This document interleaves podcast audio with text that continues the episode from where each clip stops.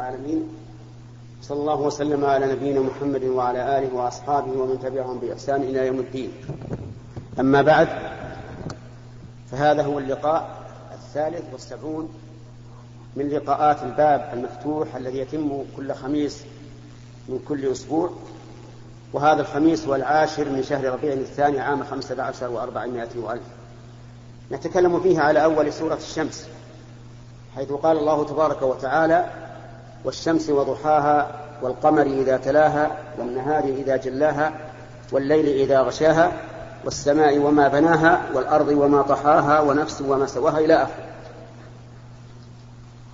أما البسملة فلا نعيد الكلام عليها لأنه معروف ومتكرر لكن نبدأ بالآيات في قول الله تعالى والشمس وضحاها أقسم الله تعالى بالشمس وضحاها وهو ضوءها. لما في ذلك من الآيات العظيمة الدالة على كمال قدرة الله سبحانه وتعالى وكمال علمه ورحمته. فإن في هذه الشمس من الآيات ما لا يدركه بعض الناس. وأضرب لكم مثلا إذا طلعت الشمس فكم توفر على العالم من طاقة كهربائية؟ توفر آلاف الملايين لأنهم يستغنون بها عن عن هذه الطاقة وكم يحصل للأرض من حرارتها من نضج الثمار وطيب الأشجار ما لا يعلمه إلا الله عز وجل. ويحصل فيها فوائد كثيرة لا لا أستطيع أن أعدها لأن غالبها يتعلق في علم الفلك وعلم الأرض والجيولوجيا ولا أستطيع أن أعدها لكنها من آيات الله العظيمة. والقمر إذا تلاها القمر إذا تلاها قيل إذا تلاها في السير وقيل إذا تلاها في الإضاءة. وما دامت الآية تحتمل هذا وهذا فإن القاعدة في علم التفسير أن الآية إذا احتملت معنيين وجب الأخذ بهما جميعا لأن الأخذ بالمعنيين جميعا أوسع للمعنى. فيقول فنقول إذا تلاها في السير لأن القمر يتأخر كل يوم عن الشمس. فبينما تجده في أول الشهر قريبا منها في المغرب إذا هو في نصف الشهر أبعد ما يكون عنها في المشرق لأنه يتأخر كل يوم. أو إذا تلاها في الإضاءة لأنها إذا غابت بدا ضوء القمر لا سيما في في, في الربع الثاني إلى نهاية الربع الثالث فإن ضوء القمر يكون بينا واضحا يعني إذا مضى سبعة أيام وبقي سبعة أيام يكون الضوء ضعيفا. نعم إذا مضى سبعة أيام وإلى أن يبقى سبعة أيام يكون الضوء قويا. وأما في السبعة الأولى والأخيرة فهو ضعيف. وعلى كل حال فإن إضاءة القمر لا تكون إلا بعد ذهاب ضوء الشمس كما هو ظاهر فيكون فيكون الله أقسم بالشمس لأنها آية النهار وبالقمر لأنه آية الليل. والقمر إذا تلاها والنهار إذا جلاها والليل إذا غشاها. تضاد. النهار إذا جل الأرض وبينها ووضحها بأنه نهار تبين به الأشياء وتتضح. والليل إذا غشاها إذا يغطي الأرض حتى يكون كالعباءة المفروشة على شيء من, من, من الأشياء. وهذا يتضح جليا فيما إذا غابت الشمس وأنت في الطائرة. إذا غابت الشمس وأنت في الطائرة تجد أن الأرض سوداء تحتك. لأنك الآن تشاهد الشمس لارتفاعك لكن الأرض اللي تحتك حيث غابت عليها الشمس تجدها سوداء. كأنها مغطاة بعبات سوداء. وهذا معنى قوله والليل إذا غشاه والسماء وما بناها والأرض السماء والأرض متقابلات. السماء وما بناها والأرض وما طحاها ونفس وما سواها السماء وما بناها قال المفسرون إنما هنا مصدرية أي والسماء وبنائها لأن السماء عظيمة بارتفاعها وسعتها وقوتها. وغير ذلك مما هو من آيات الله فيها وكذلك بناؤها بناء محكم كما قال الله تبارك وتعالى ما ترى في خلق الرحمن من تفاوت فارجع البصر هل ترى من فطور ثم ارجع البصر كرتين ينقلب إليك البصر خاسئا وهو حسير. والأرض وما طحاها يعني الأرض وما سواها حتى كانت مستوية وحتى كانت ليست لينة جدا وليست قوية جدا صلبة بل هي مناسبة للخلق على حسب ما تقوم به حوائجهم. وهذه من نعمة الله سبحانه وتعالى على عباده أن سوى لهم الأرض وجعلها بين اللين وبين الخشونة إلا في مواضع. لكن هذا أن القليل لا يحكم به على الكثير. ونفس وما سواها. نفس هنا وإن كانت واحدة لكن المراد العموم.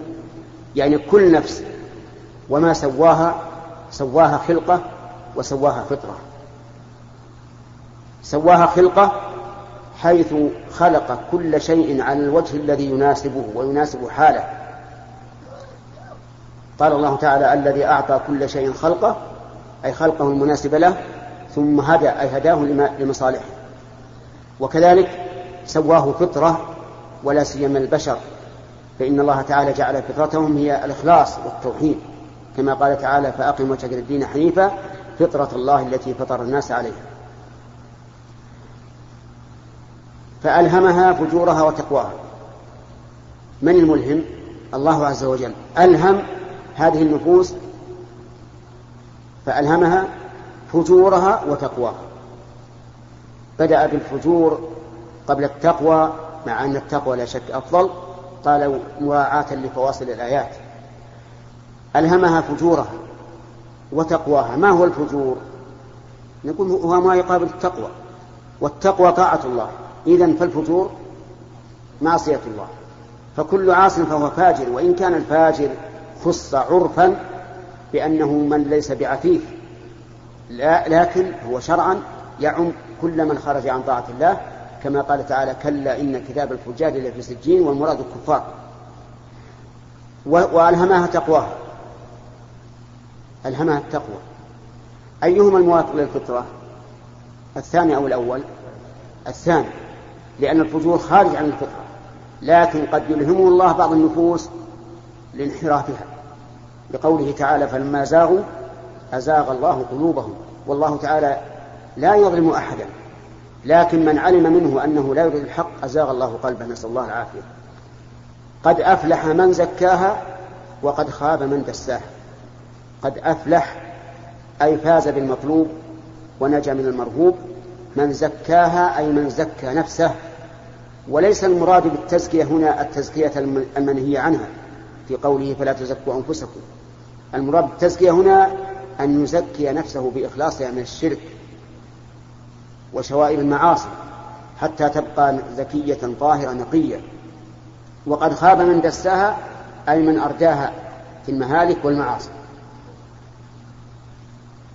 وهذا في الواقع يحتاج إلى دعاء الله سبحانه وتعالى أن يثبت الإنسان أن يثبت الله الإنسان على طاعته وبالقول الثابت.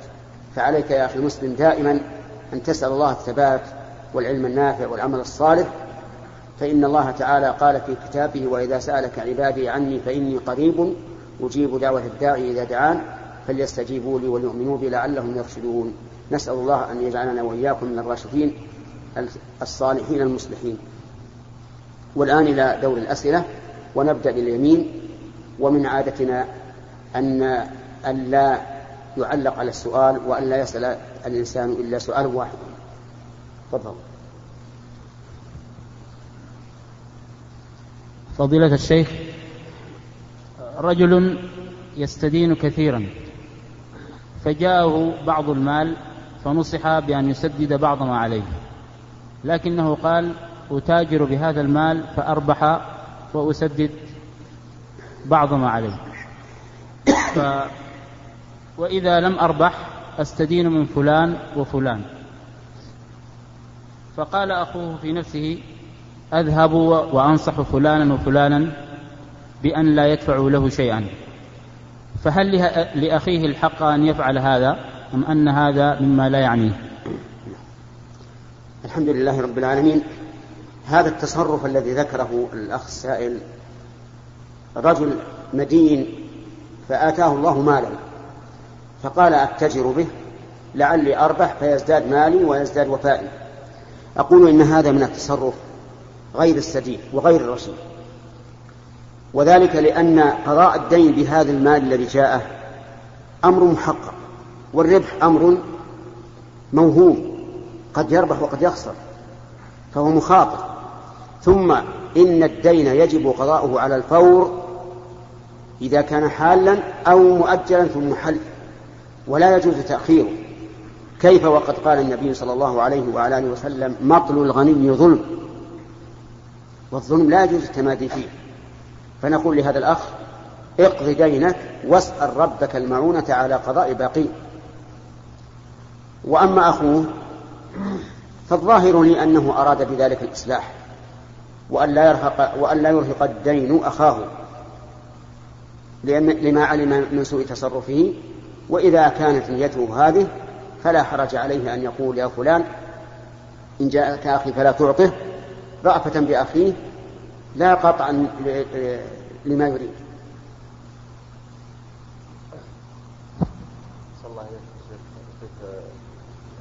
قولكم في الفخذ بعض الناس يقول تقولون أن الفخذ ليست بعورة هذا يقول سمعنا أنك تقول إن الفخذ ليس بعورة وأقول نعم قلت ذلك وأقوله الآن.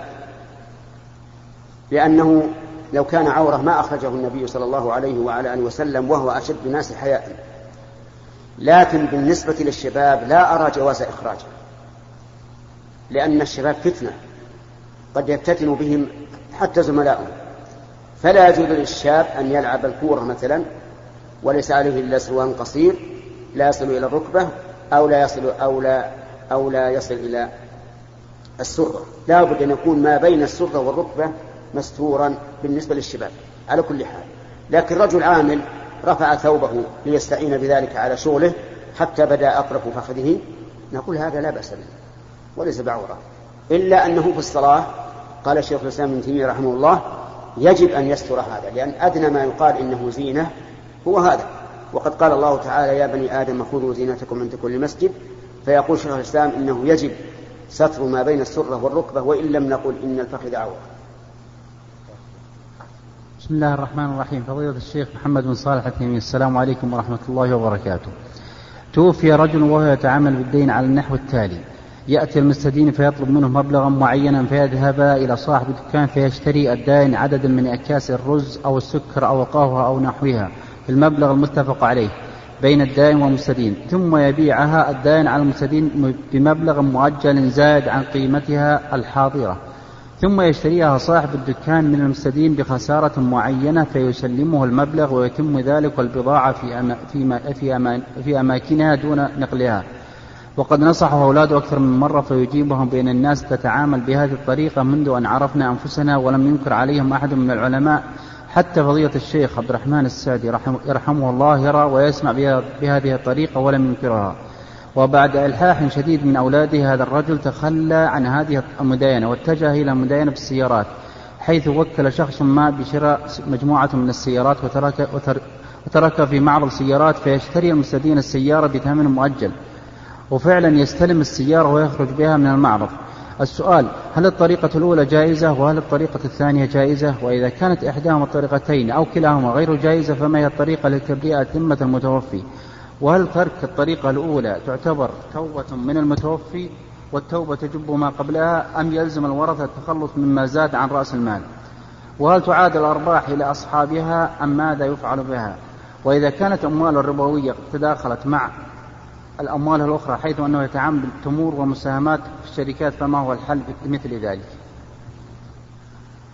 أقول عليكم السلام ورحمة الله وبركاته وأقول إنه لا ليس من المشروع أن يسلم الإنسان عند إلقاء السؤال وهو حاضر في المجلس. إنما السلام من القادم يقدم على أناس أو يلاقي ناسا يسلم عليه.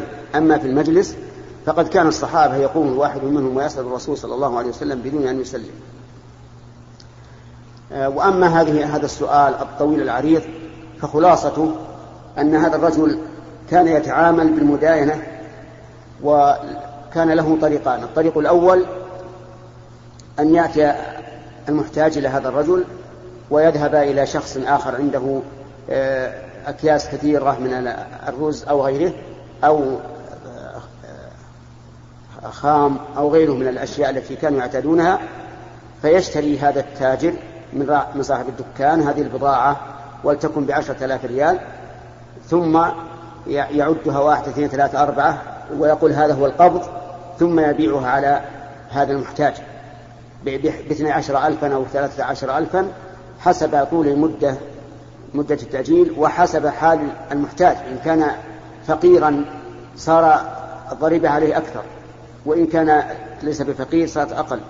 أقول إن هذه الطريقة هذه الطريقة محرمة ولا إشكال فيها.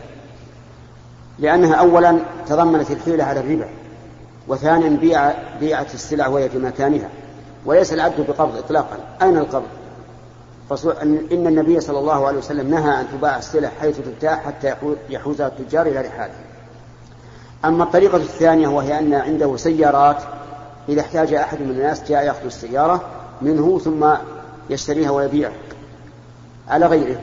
فهذه مسألة تسمى مسألة التورق. والعلماء فيها مختلفون. للإمام أحمد بن حنبل رحمه الله فيها روايتان. رواية بالجواز ورواية بالمنع. واختار شيخ الإسلام ابن تيمية رحمه الله رواية المنع وقال إن هذا حرام وإنه حيلة لأن المشتري ليس له غرض بالسيارة. غرضه بماذا؟ بالفلوس التي يبيعها به. فهي حيلة والحيل لا تجعل الحرام حلالا بل تزيده قبحا إلى قبحه. أما أما هذه أما هذا الربا الذي اكتسبه بهذه الطريقة الأولى والثانية فهو حرام لا شك. ولكن حسب ما قال السائل إن الناس كانوا يفعلون هذا ولا ينكر عليهم وقال إن ممن لم ينكر عليهم الشيخ عبد الرحمن بن سعدي رحمه الله فيكون هذا الرجل فعله متأولا ظانا أنه جائز بناء على كلام هؤلاء بناء على إقرار هؤلاء العلماء وإذا علم الله من نيته أنه فعل ذلك متأولا فلا حرج عليه ولا ولا ولا إثم عليه. ولكن أقول لكم إن الطريقة عند في وقت الشيخ عبد الرحمن بن سعدي رحمه الله ليست كطريقة, كالطريقة المذكورة في هذا الكتاب أو في هذا السؤال. الطريقة أن الإنسان يستدين له طاق طاق يسمونه طاقة أو طاقتين أو ثلاث من الخام أو غيره ثم يأخذها المدين ويحرج عليها في السوق. من يشتري هذا من يشتري هذا. فلا تباع الصلاة في مكانها وليس هناك حيل على أموال كثيرة يأخذها الناس بلا حاجة. يأتي فقير محتاج إلى عشرة ريالات خمسة عشر ريال ويشتري هذه الطاقة من صاحب من التاجر ثم يأخذها ويعطيها الدلال يحرج عليه. يقول من يشتري هذا؟ من ي... أنا أسمعهم لما كنت صغيرا يقول من يشتري مال المتدين ومثل هذا هي مسألة التورق التي اختلف فيها العلماء. والشيخ عبد الرحمن سعد يرى جواز جواز التورق. ولكن ليس كفعل الناس الذي ذكره في السؤال. وعلى كل حال فالورثة ليس عليهم شيء إن شاء الله وعليهم أن يكثروا من الاستغفار لميتهم وأن, الله وأن يتوب الله عليه والمال الذي بأيديهم هو لهم. نعم. فضيلة الشيخ أحسن الله إليكم. كيف نرد على من يسأل ويقول كيف ينزل الله سبحانه وتعالى في الثلث الأخير من الليل والوقت متفاوت متفاوت بين شرق الأرض ومغربها؟ مثلا إذا كان الضحى في الشرق أصبح في الغرب ليل أو نعم. نرد عليهم بقاعدة مفيدة جدا. كل الأمور الغيبية لا تقل كيف لأن عقلك أدنى من أن يحيط بكيفيتها. الأمور الغيبية لا تقول فيها كيف. لا الذي يتعلق بالله ولا الذي يتعلق بأحوال اليوم الآخر. هذا ليس لا يمكن للإنسان أن يدركه. لا يمكن أن يدركه الإنسان. الآن سمعتم أو, أو بعضكم أن الشمس يوم القيامة تدنو من الخلائق قدر. إيش؟ قدر ميل. الميل إما المكحلة أو المسافة ولنجعلها أبعد الاحتمالين وهما وهي المسافة لو أن هذه الشمس نزلت علينا الآن شعر عن مكانها التي عليه الآن لا أحرقت الأرض. وهي تنزل فوق الرؤوس بمقدار ميل ومع ذلك الناس لا يعترفون الناس لا يعترفون العرق من الناس من يصل إلى الكعبين ومنهم من يصل إلى ركبتيه ومنهم من يصل إلى حقويه ومنهم من يلجمه العرق. وهم في مكان واحد. هل نقول كيف؟ الرب عز وجل فوق عرشه. وينزل إلى السماء الدنيا. حين يبقى ثلث الليل الآخر. يقول من يدعوني فأستجيب له. من يسألوني فأعطيه. من يستغفروني فأغفر له. هل نقول كيف ينزل؟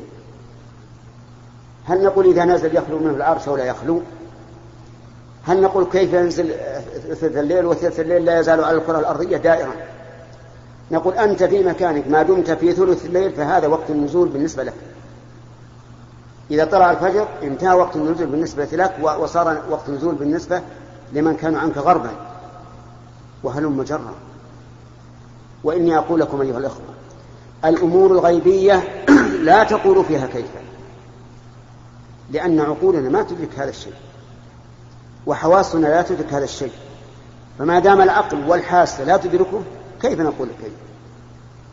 لما جاء رجل الإمام مالك رحمه الله قال يا أبا عبد الرحمن يا أبا عبد الله الرحمن على العرش استوى كيف استوى؟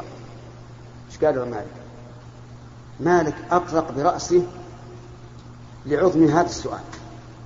أطرق هكذا. حتى علاه العرق بدأ يصب عرقا ثم قال يا هذا الاستواء غير مجهول والكيف غير معقول والإيمان به واجب والسؤال عنه بدعة. رحمه الله. سؤال كيف ينزل؟ سؤال كيف استوى؟ بدعة. إذا قلت كيف ينزل السماء الدنيا حين يبقى ثلث الليل الآخر وثلث الليل الآخر دائر على الأرض؟ نقول هذا بدعة. عرفت؟ خذ هذه قاعدة عندك يا أخي. كل شيء من أمور الغيب لا تقل فيه كيف لأن الأمر أوسع من أن يدركه عقله أو حواسه. أفهمت يا أخي؟ إيش قلت؟ فلا يسأل عنه. طيب. نعم. يا شيخ أحسن الله إليك. رجل سافر من القصيم إلى الرياض وقبيل وصوله إلى الرياض أدركته صلاة المغرب. هل يستطيع أن يجمع بين صلاة المغرب والعشاء؟ علما أنه يستطيع أن يدرك صلاة العشاء في الرياض. أي نعم. أقول إذا كان هذا الرجل من أهل عنيزة مثلا أو من القصيم وسافر إلى الرياض وقرب من الرياض فله أن يصلي المغرب والعشاء جميعا لأنه مسافر.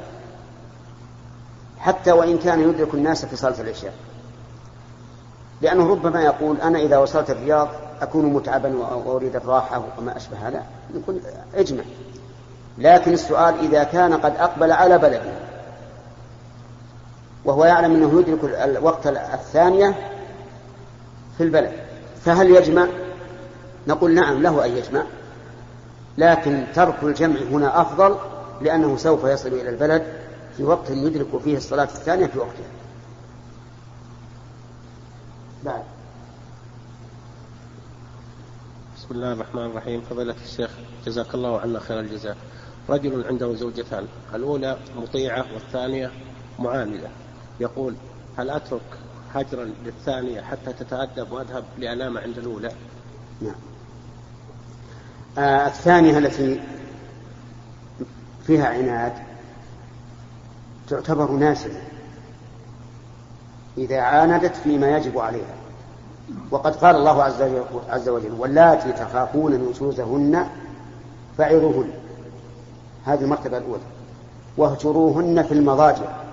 هذه المرتبة الثانية. واضربوهن. والآية عامة بين من عنده زوجتان أو زوجة واحدة فله أن يهجر الأخرى المعاندة إلى أن تحسن أحوالها وإن رأى طريقة أحسن من الهجر فهي أفضل. لكن يقول الشاعر إذا لم يكن إلا الأسنة مركب فما حيلة المضطر إلا ركوبها. نعم. بالنسبة لشخص أراد أن يتوضأ للصلاة فنوى بالوضوء التجديد وليس رفع الحدث وهو يعلم أنه قد أحدث هل فعل الوضوء يرفع عنه الحدث؟ نعم فهمتم؟ رجل محدث ثم توضأ يريد التجديد فهل يرتفع حدثه؟ الجواب لا يرتفع حدثه لا يرتفع حدثه لأن التجديد إنما يكون تجديدا إذا كان على طهارة أما إذا كان على غير طهارة وش, يجدد؟ ماذا يجدد؟ فنقول لهذا الرجل إنك إن كنت صليت بهذا الوضوء فأعد صلاتك توضأ بنية رفع الحدث ثم أعد صلاتك. أما إن كان ناسيا الحدث يعني جدد على أنه محدث على أنه غير محدث ثم بعد أن تجدد ذكر أنه محدث فهذا يجزئ نعم. فضيلة الشيخ أحسن الله إليك. شخص توفي بسبب حادث سيارة من السرعة زائد هل يقال هذا باب من أوجه أو من أبواب الانتحار أو وجه من ذلك؟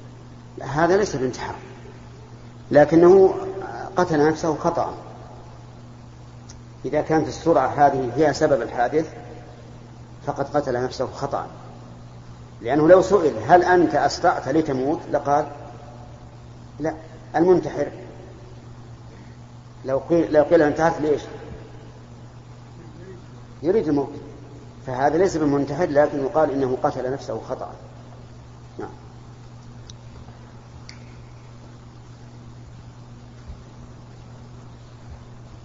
شيخ أحسن الله إليك. ورد عن النبي صلى الله عليه وسلم أنه عندما يقوم الليل يستفتح صلاته بركعتين خفيفتين ورد عن النبي صلى الله عليه وسلم أنه عندما يقوم إلى صلاة الليل يستفتح الصلاة بركعتين خفيفتين نعم. فهل يقال دعاء استفتاح عندما يقوم في جوف الليل ركعتين خفيفتين أو بعدها إذا أراد الإنسان قيام الليل فإنه يفتتح القيام بركعتين خفيفتين. ثبت ذلك بالسنة القولية والفعلية. والظاهر أنه يقول دعاء الاستفتاح الذي يكون في التهجد بعد الركعتين. لأن ركعتين خفيفتان ودعاء الاستفتاح الذي في التهجد طويل. نعم أحيانا يكون مسجد مزدحم. إيش؟